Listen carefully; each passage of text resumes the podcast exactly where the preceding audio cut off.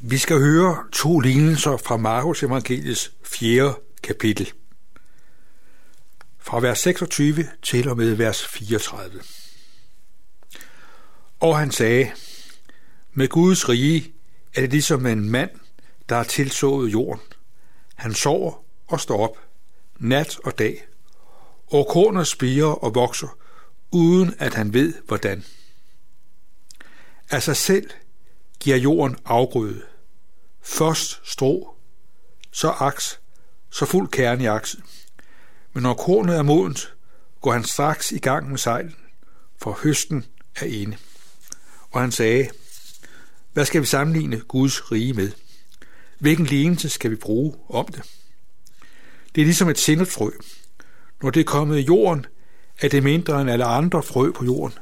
Men når det er sået, vokser det op og bliver større end alle andre planter og får store grene, så hendes fugle kan blive reddet i det skygge.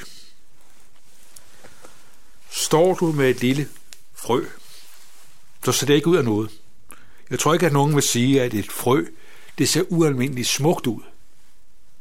Øh, virkeligheden om frøet, det kan vi ikke se udefra. Det hjælper ikke, at man står med frøet i hånden og prøver at jagtage det. Virkeligheden om frø finder vi først ud af, når frøet placeres i jorden. Vi kan ikke se frøet. Frøet kommer i jorden.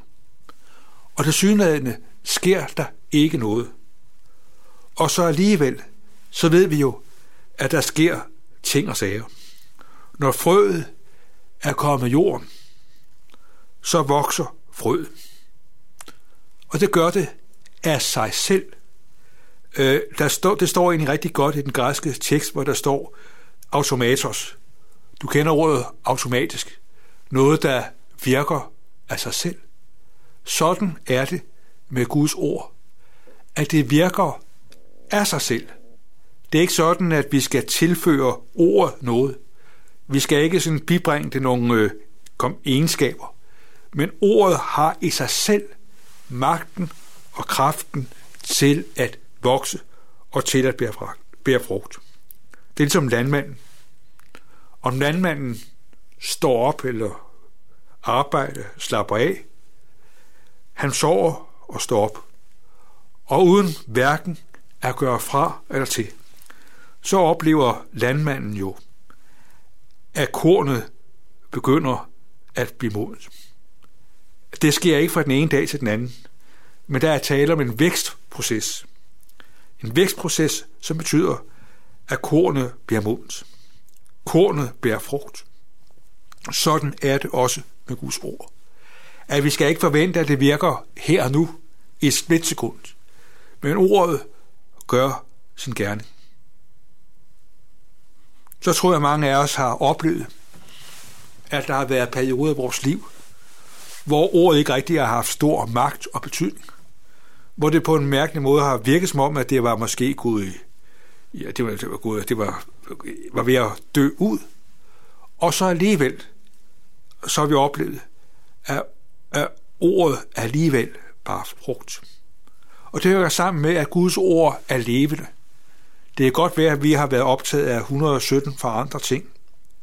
At vi slet ikke har spekuleret på det og været gjort helt andre ting. Men hver gang vi lytter til Guds ord, så gør ordet sin egen gerning i vores liv. Ordet er levende. Det er godt være, at vi har vendt ordet øh, ryggen, men hver gang vi lytter til ordet, så gør ordet sin gerning i vores liv. Og det tror jeg er det, som er historien for mange af os. At vi har, op, vi har haft situationer, hvor ordet næsten ingen plads og magt har haft. Og så alligevel, på et tidspunkt, så er ordet begyndt at vokse og slå rod i vores liv. Det er fantastisk.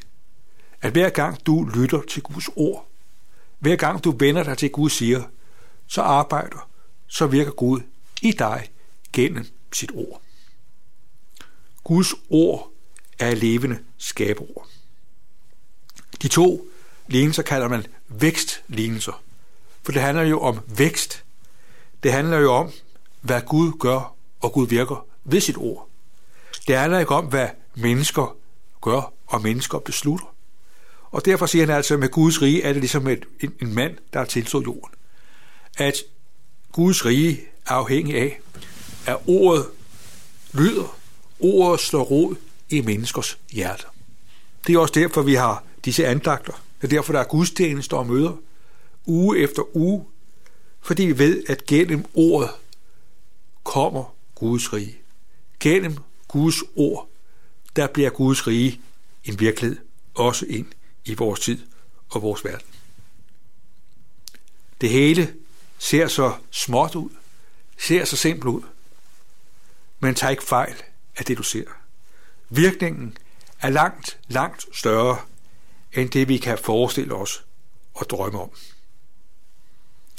Så taler Jesus også om et sennepsfrø. At sennepsfrøet øh, blev på Jesu tid betragtet som det mindste frø, eller det mindste plante af alle frø, eller det mindste frø af alle frø. Og så alligevel, tag ikke fejl, sådan et sennepsfrø kan blive til en stor plante, der kan blive op til 2-3 meters højde, og grenene kan blive som en arm. Og i dette træ, der kan fuglene slå, rode, slå rede.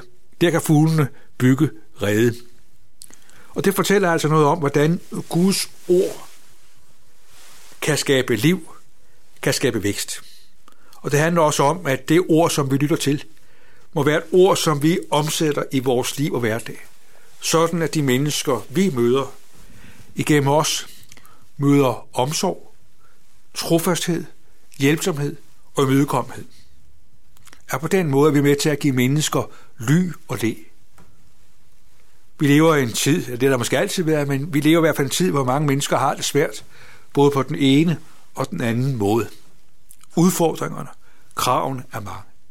Her er vi som kristne og som enhed sat til at være med til at give mennesker vækstbetingelser.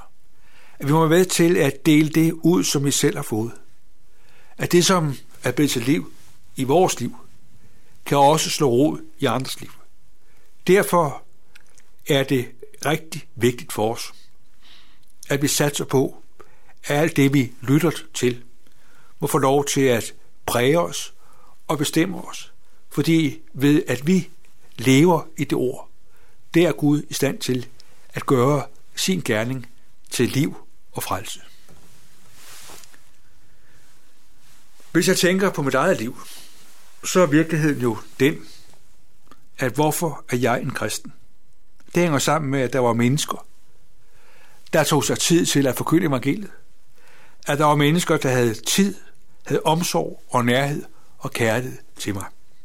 Det gjorde, at jeg på den måde erfarede ordets bærekraft. Og på den måde blev troen givet ved, at mennesker bar ordet ind i min hverdag og mit liv. Og det tror jeg også er noget af det, der nok er forklaringen på, at du er et Guds barn i dag.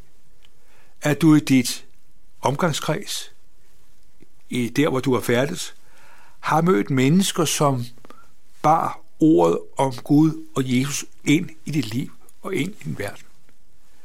At her blev der sagt noget, som måske ikke altid var super sejt og super genialt, men det var et ord, som Gud ved sin gode ånd gjorde til liv. Et ord, som Gud skabte tro ved. Fordi Guds ord er levende. At det er ikke noget, vi skal få ordet til at virke. Men ordet er levende. Og det betyder, at hver gang vi hører på, hvad Gud siger, så er vi det kraftcenter, hvor Gud arbejder, hvor Gud virker, og hvor Gud gør sin gerning i dit og mit liv. Det handler ikke om, at vi først skal få øh, reddet alle mulige ukrudtsplanter ud i vores liv. Men det handler først og fremmest om, at Gud ved sit ord får lov til at gøre sin gerning, og lade det, han siger, få lov til at bære og vokse og blive til frugt i vores liv. Derfor er det så afgørende for os, at vi hører Guds ord. Og derfor er det også sådan, at Jesus igen og igen taler om, at vi skal høre Guds ord. Fordi Guds ord er det middel, Gud bruger for at få os at tale, for at skabe liv og tro. Og det giver jo også et perspektiv. Tænk i dit eget liv, og tænk, hvad det ikke kan føre til i andres liv. Derfor må vi frimodigt lade det ord blive sået.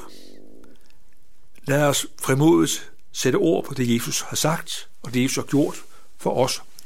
Lad det skinne igennem, så mennesker i mødet med os ser en sammenhæng mellem det, øh, vi siger, og det, vi gør. Jesus siger en anden sammenhæng af den kloge mand. Det er manden, øh, der hører, hvad Jesus siger, og bygger sit liv på klippen. Altså tager det, Jesus siger, til sig og handler på det og agerer på det. Så får det ord lov til at gøre Guds gerning i vores liv. Det handler ikke om vores evner og vores kvalifikationer, men det handler om at give ordet plads i vores liv og verden. Amen. Lad os takke og bede. Himmelske Far, vi takker dig for dit levende og blivende ord. Tak fordi det skaber, hvad det nævner. Tak fordi vi får lov til at lytte til et ord, som måske ikke ser ud af noget stort og sejt, men det ord, det er guddommeligt. Det er indeholder din magt og din styrke og din virkning. Tak fordi vi har fået lov at lytte til ordet. Vi beder om, at det må bære frugt i vores liv. Vi beder også om, at øh, du må øh, sørge, hjælpe os til at sørge for at høre, hvad du siger, og lad det få lov til at få plads i vores hverdag. Tak fordi dit ord er levende. Tak fordi vi også har erfaret, når vi selv har vendt, dig bort, vendt, vendt os bort fra dig. Der takker vi dig for, at hver gang vi lytter til dit ord, der er du den, der kommer os i tale. Vi om, at du vil sige os, og dem vi lever sammen med, nær og fjern. Lad os leve af dit ord som dagligt brød på denne jord. Amen.